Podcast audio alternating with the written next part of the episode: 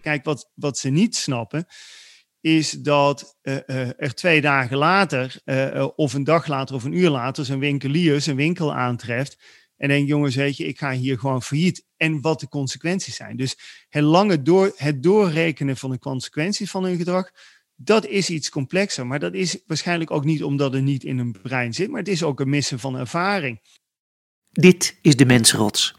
Over instincten en oerdriften, over rationeel handelen en beschaving. Ik ben Bas Westerweel en in deze podcastserie ga ik in gesprek met gedragsbioloog Patrick van Veen, die bij alles wat hij ziet, hoort en ruikt zich afvraagt: wat zijn we toch aan het doen hier op de Mensenrots?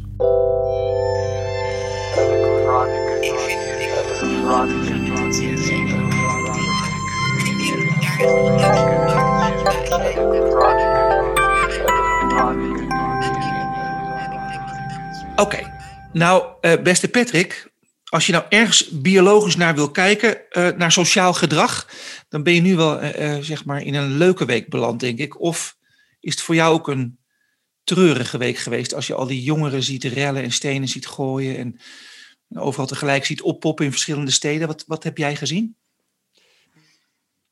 Dan komt toch eerst even de gedragsbioloog naar boven, die het heel fascinerend vindt om uh, te kijken naar het gedrag. Uh, ook het gedrag van, van politie, van politici eromheen. En uh, dan, dan natuurlijk zit er een hele treurige laag onder. je zult maar net die winkelier zijn die al, al, al, maanden dicht is en er ook nog te komen dat de helft eh, winkel gesloopt is maar ik vind het vooral dan toch primair gewoon heel erg boeiend wat gebeurt er. Wat zijn de dynamieken? Waarom doen mensen dit? En waarom is het ook zo massaal? En uh, is het echt alleen maar railschoppen of zit er ook nog een tweede laag onder? En dat vind ik wel heel boeiend om daarover na te denken. Ja, wat, wat je in ieder geval hebt gezien, zijn allemaal jongens. Ja, dat, dat is wel een, een, een, een kenmerk. Is, je, je, ziet een relatief fijne vrouw. Is ook wel interessant. Ik, ik, ik, moest afgelopen dagen. Uh, heb ik nog eens een paar keer uh, op YouTube beelden teruggekeken. van. en wij twee zijn oud genoeg om nog de krakerschellen uit de jaren 70, 80 te herinneren. Althans, de beelden. Ik, ik zat er niet tussen. Was ik veel te jong voor. Maar, maar de beelden die, die, die, ja, die kwamen wel tot ons. En, en, toen zag je veel meer vrouwen erin. Ik heb dan nog eens teruggekeken en dan zie je ook wel heel veel mannen, de overgrote meerderheid van mannen.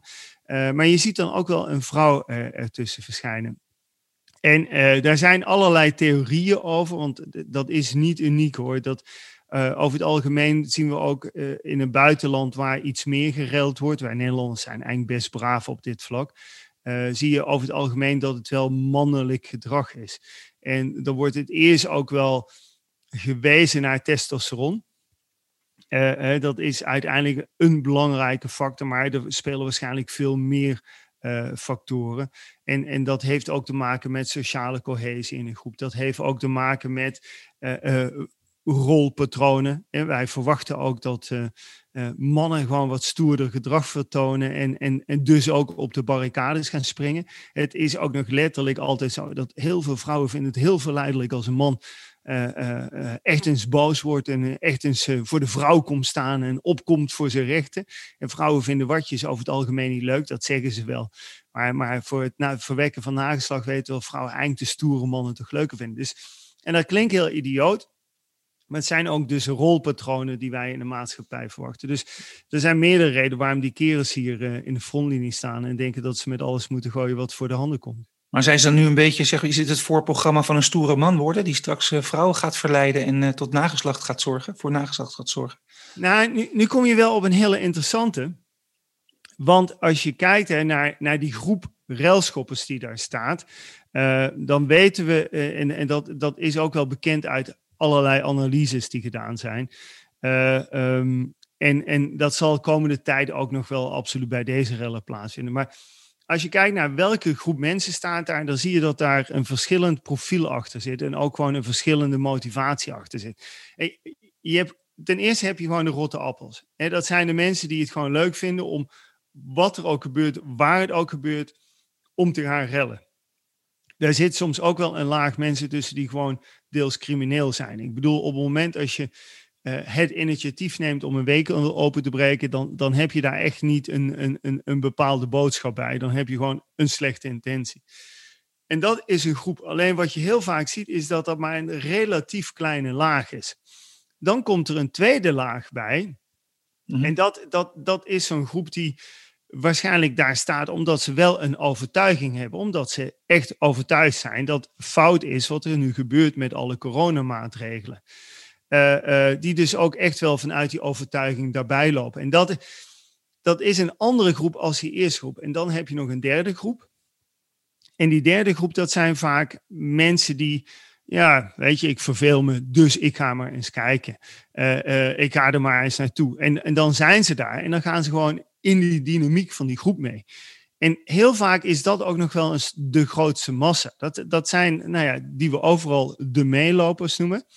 En, dat zijn mensen die uiteindelijk gegrepen worden door de emotie, de dynamiek van een moment, uh, uh, die, die, die, die, die, die worden geprikkeld door het testosteron, wat soms bijna letterlijk in de lucht hangt. Ja, en, en dan gaan ze mee. En nog sterker, het is ook vaak een versterkend effect. Hè? Want zet de ME daarnaast uh, en je krijgt zo'n waterstraal op je zak. Ja, dan ga je uiteindelijk wel een keer met een baksteen gooien. Ook al was dat niet je intentie. Dus uiteindelijk is dat ook het escalerend mechanisme. Ja. Wat wel belangrijk is, is dat vooral die laatste groep, ja, daar zit natuurlijk een beetje ook de groep in van, ja, weet je, ja, weet je een beetje stoerdoenerij. En, en, dat zijn, eh, nou ja, het, zal misschien een beetje raar klinken, maar dat zijn de ministers van de toekomst. Uh, en dat zijn heel vaak mensen die, de, ja, ook als je naar de krakersrellen kijkt, ja, er waren mensen hetzelfde. Hè, dat, waarom verwijs ik naar de krakersrellen? Omdat dat is natuurlijk iets wat veel beter al geanalyseerd is, omdat het veel ernstiger was, veel grotere schaal, veel langere tijd. Maar het is ook iets wat al veel jaren terug is, dus er is ook al veel meer onderzoek naar gedaan. En dan zie je hetzelfde. Dan zie je mensen die echt daar waren om te rellen. Er waren heel veel mensen die echt wel vanuit een overtuiging van maatschappelijke ongelijkheid daar rondliepen. Mhm. en er waren ook mensen die dachten, nou, ik ga gewoon eens kijken, oh ja, het is veel leuk, dus ik gooi maar een bakje in. Ja, dan krijg je dat escalerende effect. En vooral in die laatste groep, daar zitten heel veel van die jongeren op dit moment zeker mhm. ook, die, ja, die gewoon ook letterlijk aan leren zijn. Ja. Om, om, hoe, hoe moet ik dadelijk gaan overleven? Moeten we ze dat dan ook maar even de gelegenheid toegeven om dat te leren? Want schijnbaar komt er een laagje verstand overheen als je wat ouder wordt. Moeten we ze niet ook eh, ergens kunnen laten rellen dan? Moet er niet ook ergens een escape zijn om dit gedrag zeg maar, te laten ja, wegvloeien of eh, weet ik, wegebben? Ja. Nou ja, ik zeg altijd, biologisch gezien zijn brave pubers niet in orde. Um, ja. En, en, en, en pubers moeten rellen, pubers moeten in opstand komen. En wat is de biologische noodzaak daarvan? Uh, uh, ja, dat klinkt heel idioot, maar het is gewoon een, mechanisme tegen inteelt. Um, want wat, als je kijkt naar oervolken, maar ook als je kijkt in de, in de biologie bij, bij, bij bijvoorbeeld chimpansees, dan zie je in de puberteit is letterlijk een soort mechanisme om je te ontworstelen van de groep. De puberteit markeert enerzijds seksuele rijpheid, geslachtsrijpheid. Maar dat betekent dus ook dat dat het moment is dat je ja, je los moet gaan maken van die, van die groep, dat je daar weg moet. En, en als je in die groep blijft, dat is ook uiteindelijk niet goed, want dan krijg je inteelt en allemaal ellende. Dus dat rellen, dat, dat ontdekken, en dat is enerzijds hè, je eigen kracht ontdekken, dat is zelfstandig worden. Uh, dus dat heeft biologisch hele belangrijke functies. En als je kijkt in oervolken, is dat ook nog allemaal omgeven met allemaal rituelen. Maar is dat ook echt letterlijk wel een heel belangrijk markeringspunt? Kijk, wij mensen, wij denken heel erg in leeftijd en dat tellen we in jaren. Uh, in oervolken tellen die jaren helemaal niet, maar tellen ontwikkelingsniveaus. En dit is een ontwikkelniveau. En misschien is iemand op zijn vijftiende op dat punt. Misschien is iemand op zijn negende op dat punt. Dat doet er allemaal niet toe. Maar op het moment dat je in die ontwikkeling zit, dat ze merken van je bent geslachtsrijp, het rellen begint. En dan ga je gewoon langzaam die groep uit. Dus het is dus gewoon een soort overgangsrieten. Nou, dat willen wij allemaal natuurlijk niet meer. Maar uiteindelijk kenmerkt het zich wel dat die pubers op hun manier in opstand komen. Weet je, ik was een heel brave puber, maar toen ik een jaar of 16 was, dronk ik misschien toch een paar biertjes te veel. Precies. En dat was mijn, mijn heel voorzichtig verzet. Ja. Uh, en zo zal, zal bijna elke puber wel zijn gedrag hebben. En sommigen die gaan echt heel erg hard door de bocht. Ja, er is wel een soort kritiek op zeg maar het ontbreken van inlevend vermogen bij pubers. Maar hebben ze überhaupt inlevend vermogen? Ja, ja. en de, de, de, eigenlijk is dat ook niet het juiste uitgangspunt, want ze hebben een heel groot inlevingsvermogen. Het is alleen niet het inlevingsvermogen wat wij volwassenen van hun verwachten. Mhm. en, en, en, dat is natuurlijk, zeg maar, we zijn heel snel geneigd. Ik heb ooit onderzoek gedaan naar pestgedrag bij schoolkinderen. En dan zijn we van pesters, ja, er zijn we iets vergelijkbaars. Er zijn we, die, die hebben eigenlijk ook geen, en die hebben geen sociale emotie, die hebben geen inlevingsvermogen. Nee, dat hebben ze juist wel. Want ze gebruiken dat gedrag omdat ze exact weten wat ze ermee bewerkstelligen. En ja, dat vinden wij dan niet leuk. Dus dan roepen wij maar met allen, ja, ze hebben geen inlevingsvermogen. Maar dat hebben ze juist wel. Pubers weten vaak ontzettend goed wat de impact van hun gedrag is. Alleen het is net niet de impact die wij verwachten. Kijk, wat, wat ze niet snappen, is dat uh, uh, er twee dagen later, uh, of een dag later of een uur later, zijn winkelier zijn winkel aantreft en denk, jongens, weet je, ik ga hier gewoon failliet. En wat de consequenties zijn. Dus het lange door, het doorrekenen van de consequenties van hun gedrag, dat is iets complexer. Maar dat is waarschijnlijk ook niet omdat het niet in een brein zit, maar het is ook een missen van ervaring. He, hmm. je, je moet ook gewoon ervaringen opdoen om te snappen dat als ik hier een ruit in gooi, dan is er niet alleen maar de consequentie dat die ruit door de verzekeraar uh, vergoed moet worden. Want dat denken ze misschien nog in hun hoofd maar dat die winkelier een dag de winkel niet kan openen en allerlei consequenties erachteraan rollen.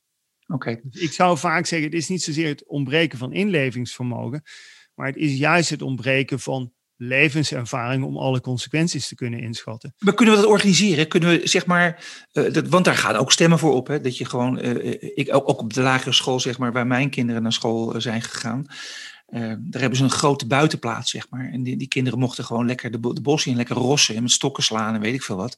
En dat gaf een gevoel van, nou ja, dat moet ook gebeuren. Hè? Daar, daar waar de mensenrots de apenrots wordt, dat moet ook toegestaan worden. Nou ja, de, de, de, wat je merkt, hè, er zijn twee dingen die altijd uh, met elkaar in competitie zijn. En het ene element wat in competitie is, is dat je ziet van die ruimte krijgen om dat te ontdekken. Nou, inderdaad, het bos, nou, ik ben opgegroeid in een dorp, dus weet je, wij konden dat bos in. Dat, dat lag gewoon naast de deur en dan haalden we ook rottigheid, uh, rottigheid uit en dan gingen we ook vuurtjes stoken. En dan sloopten we ook soms wel eens dingen die eigenlijk niet gesloopt moesten worden. En, en, en, dat was de ruimte die in zo'n dorp aanwezig was. En dan kreeg je eens van een buurman een tik. En dan, dan was dat ook allemaal dat die ruimte, wat jij zegt, hè, mhm. het ontdekken, gewoon ravotte, uh, stomme dingen doen, ervaren, uit de boom flikkeren, arm breken, dat, dat hoort eigenlijk bij die leeftijd.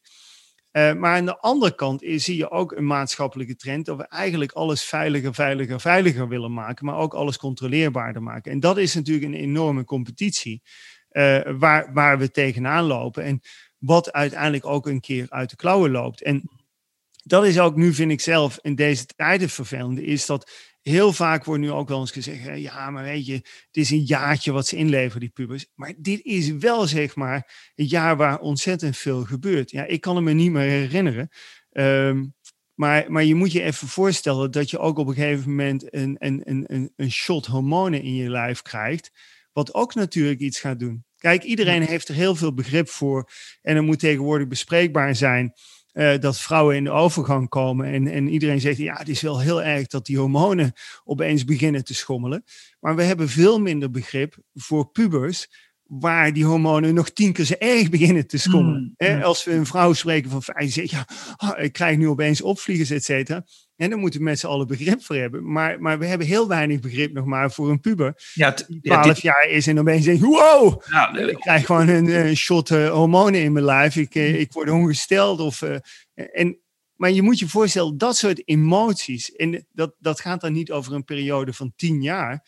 Nee, dat gaat in periodes van maanden, weken ja. dat dat soort ontwikkelingen plaatsvinden. Dus er ligt ook wel biologisch, gebeurt er ook wel iets in het lijf wat op dat moment maakt van, ja. hoe het functioneert.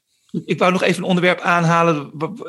Het recht van de sterkste. We hebben het over mannengroepen even gehad. Zou je ook kunnen zeggen dat. Hè, want je hebt het even in drie uh, fases uiteengezet. Je hebt zeg maar de, diegenen die gaan rellen. De, de mensen die er omheen gaan staan. Hè, de, en, en mensen die ook echt iets willen roepen. Zeg maar, die echt om een reden eh, zeg maar, daar zijn. Uh, maar die mensen die zich mee laten voeren, heb je al gezegd, dat zijn de latere politici. Maar die mensen die echt die ruiten in gaan gooien en die zeeman openbreken. Uh, zijn die dan zeg maar de aanvoerders? Hebben die, is dat een beetje het recht van de sterkste? Die bepalen zeg maar de route voor de groep?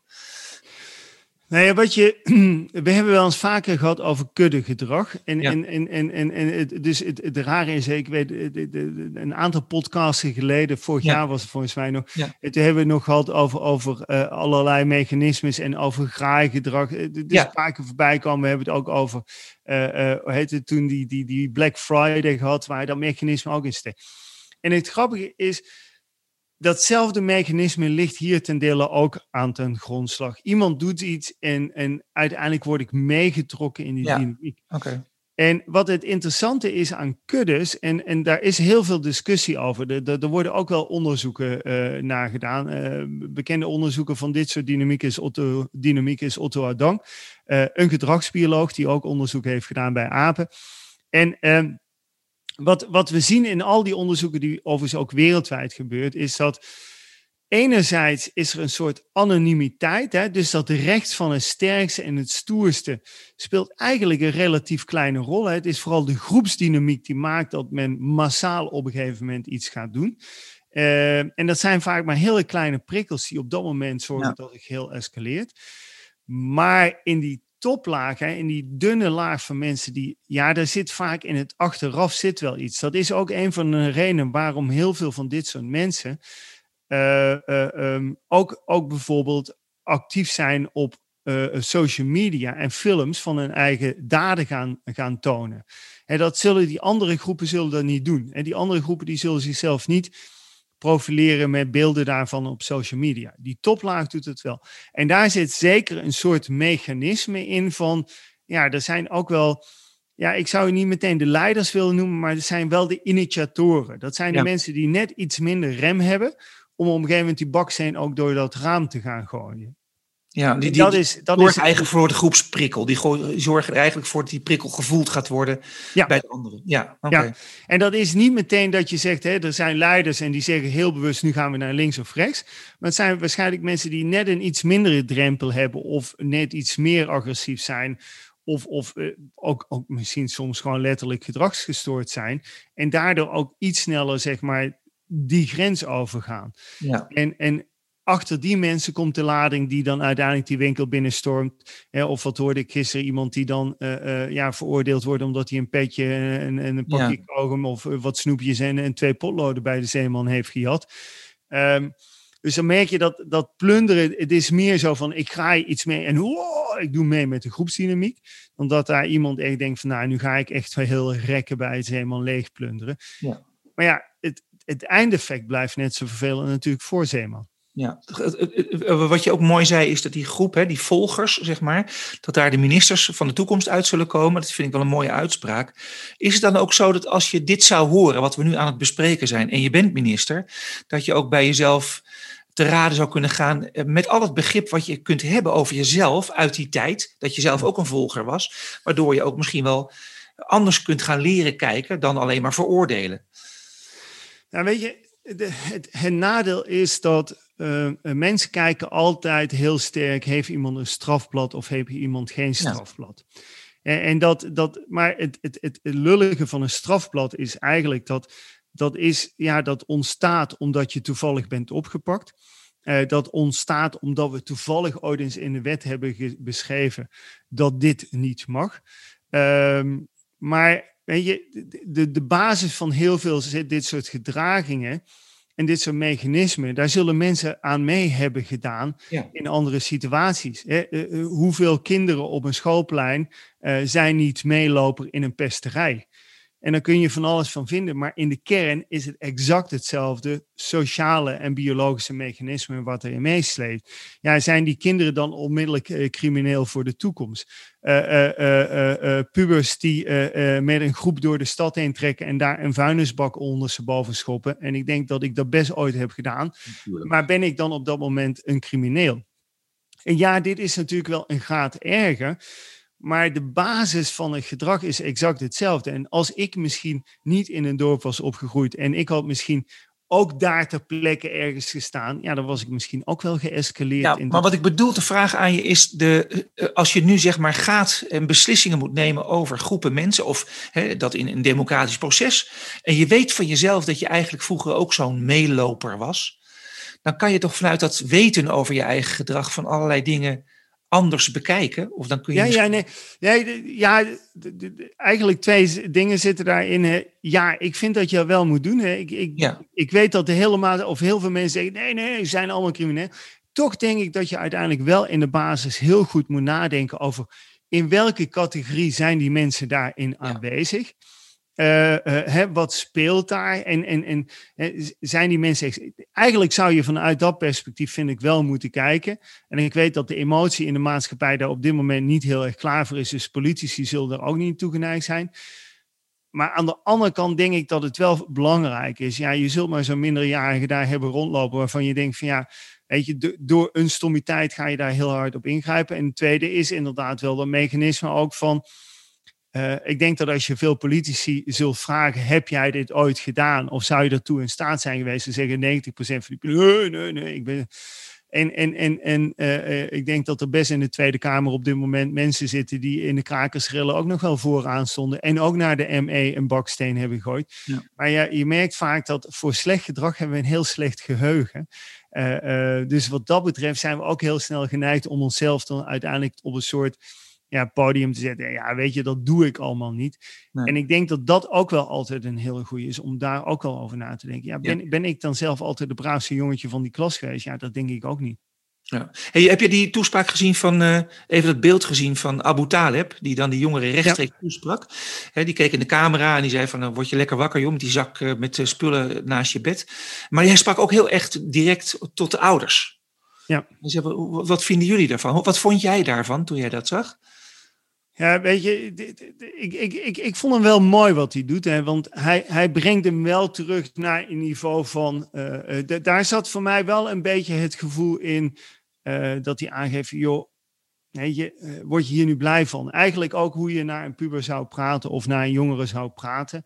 Overigens, er zitten ook wel minder jongeren, die, die zijn ook opgepakt. Hè, maar in ieder geval richting de jongeren dat je zegt: joh, denk eens even hierover na. Waar ben je nu even mee bezig? Ik snap, hè, dat zei hij niet, hè, maar, maar er zit ook in die vraag zit ook een klein beetje begrip. Hm. Van ik snap dat je rottigheid uithaalt. Ik snap dat je ergens meeloopt. Hè, maar word je hier nu wel blij van, van wat je nu exact hebt gedaan? En uh, ik denk dat dat wel een heel belangrijke is. Het oproepen van ouders, ja, natuurlijk is dat een ontzettend belangrijke. Um, en, en, en, en, en ouders hebben daar ook grip op. Maar uh, aan de andere kant uh, weet je ook dat als je als ouder uh, harder roept dat, dat het niet verstandig of handig is, dat misschien wel twee keer hard uit de klauwen loopt. Dus ja, ik, ik, ik, ik snap het, maar weet je, er zit ook wel altijd een tweede mechanisme in. Want waar we het bij begonnen ongeveer, weet je, het rellen, het, het, het stoer doen, het hoort ook bij die leeftijd. En op het moment als ouders op dat moment gaan zeggen, joh, dat moet je even niet doen, hè, is niet handig, eh, dan escaleert het nog veel verder. Ja.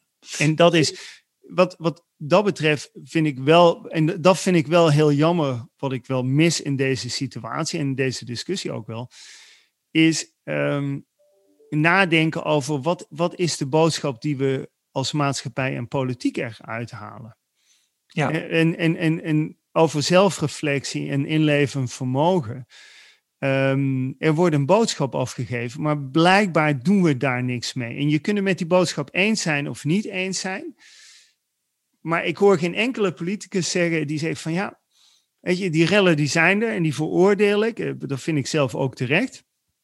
Maar uiteindelijk wordt er ook een boodschap afgegeven. En dan ga ik toch weer terug naar de jaren tachtig. we zaten thuis te kijken en, en, mijn familie was niet de familie van de rellers of de railschoppers. Dat werd zeer zwaar veroordeeld. Um, maar als je daar achteraf op terugkijkt, dan, dan kun je ook zeggen, ja, maar die mensen gaven ook een boodschap af. Hè? Die gaven ook wel een bericht naar de politiek van, joh, waar ben je uiteindelijk mee bezig? Hè? Dat verhaal over die woningen, daar zat wel een kern achter. En, en dat hoor ik niet in de politiek terug. Wat is de boodschap die me vandaag wordt meegegeven? Heb je niet het idee dan uh, dat er juist wel over die boodschap, hè, dat we gaat, uiteindelijk gaat het over iedereen heeft het recht om zijn mening uh, te, te, formuleren en ook op straat zeg maar uh, uit te spreken. Hè, je mag demonstreren, maar je mag gewoon niet, niet rellen eromheen. En demonstraties trekken schijnbaar rellen, rellers aan. Nou, dan heb je die verdeling van die groep die je net zo mooi ja. hebt genoemd. Dus uh, moet je daar niet bij, wordt er juist niet heel veel gesproken over daar waar over gesproken mag worden? In dit geval coronavirus en de maatregelen.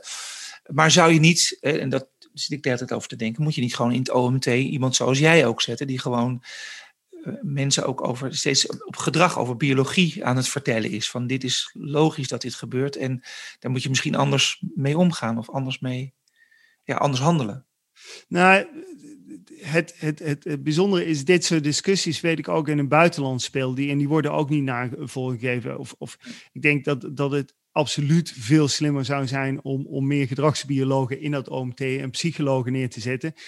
Niet alleen ook om dit soort dynamieken te bespreken, maar ook om te bespreken hoe kun je maatregelen veel effectiever maken. En je kunt wel bedenken dat anderhalve meter een slimme maatregel is, maar hoe kun je ook ervoor zorgen dat die nageleefd wordt? En die input wordt te weinig behaald. Maar ik, ik vind in dit soort discussies moet je ook altijd een filosoof hebben. ik vind ook altijd dat je iemand moet hebben die op een gegeven moment de vraag stelt van ja, maar waarom maken we dit soort keuzes? En, en uh, uh, je moet veel bredere mensen hebben. Waarom? Omdat als je gedrag wil beïnvloeden, en het gaat uiteindelijk, het zegt al, het gaat over het gedrag. Maar als je gedrag wil beïnvloeden, uh, als je maatschappij wil beïnvloeden, wat je in deze situatie wil, dan is het ook wel uiteindelijk goed om mensen te hebben die de kritische vragen daarover kunnen stellen, maar ook kunnen nadenken van ja, maar wat werkt wel, wat werkt niet. Hmm. En dat gaat ook over deze rellen. Ja, weet je, ik vind het ook wel fascinerend om met een socioloog uh, uh, hierover te hebben, om met een pedagoog daarover te hebben, maar ook met een filosoof daarover te hebben, met een historicus over te hebben. En die zou je daar ook in bij moeten zetten. Van, ja, maar wat leren? Wat hebben we ook in het verleden van rellen geleerd? En wat werkt bijvoorbeeld niet? Ja. En niet alleen over veiligheid praten, maar inderdaad ook over ontwikkeling van gedrag en wat het doet in ja. biologisch gezien. Ja, goed hoor, mooi. Ik wilde nog veel meer onderwerpen aanhalen. Ik heb het allemaal op een papiertje geschreven, ik ga het niet doen. En want ik, ik wilde heel graag bijvoorbeeld nog praten met je over kameraadschap. Wat volgens mij echt een mooi onderwerp is, wat in mijn uh, uh, nou, mijn, in mijn idee alleen maar plaatsvindt tussen mannen, kameraadschap. Maar daar moeten we het de volgende keer maar eens over hebben. Eh, dan gaan we voor een keer hebben over mammoeten en, en, en de jacht van de mannen en, en de vrouwen die besjes gaan verzamelen. Dan komen we vast zeker over die kameraadschap te praten. Dankjewel. Alsjeblieft.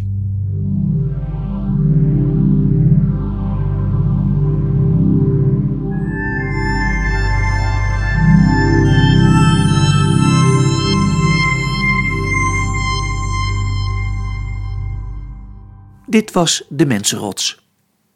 Abonneer je nu op deze podcast via Spotify, iTunes of jouw favoriete podcastplatform en ontvang elke week een nieuwe aflevering vol vergezichten en hersenspinsels.